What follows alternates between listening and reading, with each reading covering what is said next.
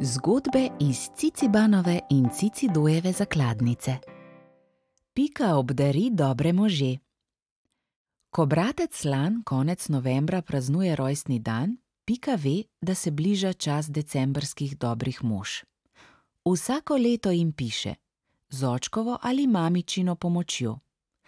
Prvo pismo je za Miklavža, ki ji prinese darilo pri babici Nadi in dediju Janku. Drugo pismo je za Božička, ta ji pusti kaj lepega pod domačo smrečico. Tretje pismo je za dedka Mraza, ta jo na Silvestrovo obdari pri babici Anki in dediju Stanetu. Pika vsako leto pisma zvečer pusti na okenski polici. Do jutra vedno izginejo. Toda letos jo nekaj žre.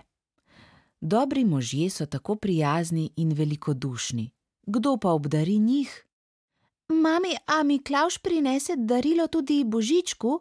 Kaj pa dedek Mraz Miklavžu? Pa Božiček dedku Mrazu? Ne vem, Pika, teh prazničnih čarovnij mi navadni smrtniki ne razumemo. Pika tuhta. Spomni se še nečesa, kar ji mamica v prazničnem času pogosto pove. Ne moremo kar računati, da nam bodo dobri možje izpolnili vse želje. Kakšno si moramo izpolniti tudi sami. Predvsem pa moramo praznično veselje pričarati drug drugemu. Tudi to je praznična čarovnija. Zato Pika in mamica decembra veliko ustvarjata, izdelujeta voščilnice, okraske in darilca za vzgojiteljici, za Lanovo učiteljico, za sosede in za poštarja. Pika se nečesa domisli.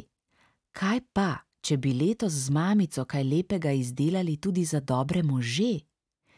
Mamici je zamisel zelo všeč. Da le ne bo treba kupovati daril, ampak jih bosta ustvarili sami. Za Miklavža se šijeta vrečo iz filca za njegove kepe zlata. Za Božička naredita lepo knjižno kazalo, da bo vedno vedel, na kateri strani knjige otroških želja je ostal. Dedku Mrazu spleteta topu šal, da ga na saneh ne bo zeblo. Ko skupaj s pismi za dobre može z okenske police ponoči izginejo tudi darilca zanje, je Pika neznansko vesela. Letos bodo darila končno dobili tudi dobri možje. To je njena praznična čarovnija. Zgodbo Pika obdari dobre može je napisala Darja Divjak Jurca. Brala sem Katja Preša.